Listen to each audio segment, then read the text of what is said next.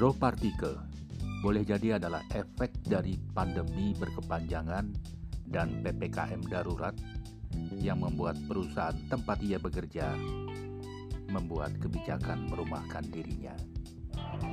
Tapi Bro Partikel tidak menyerah begitu saja.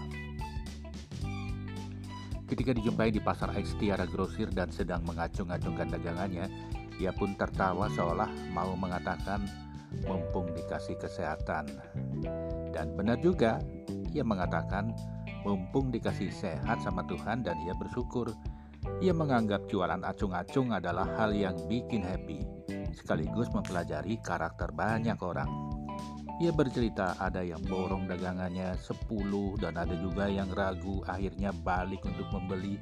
Ada yang tersenyum cuma nanya saja. Prinsipnya dibawa happy biar imun meningkat. Betul nggak? Nah, tidak ketinggalan, ia juga mengenjot semua potensi usaha sampingannya di online termasuk Blesti.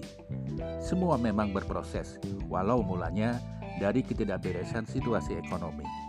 Potensi lain yang ia miliki berupa ilmu-ilmu yang bermanfaat ia manfaatkan untuk membuka kursus singkat seperti jasa kursus singkat, periklanan Facebook, dan juga aplikasi lain yang sudah ia jalani seperti aplikasi buku warung yang memungkinkan UMKM layaknya memiliki karyawan virtual yang mengurus pembukuan.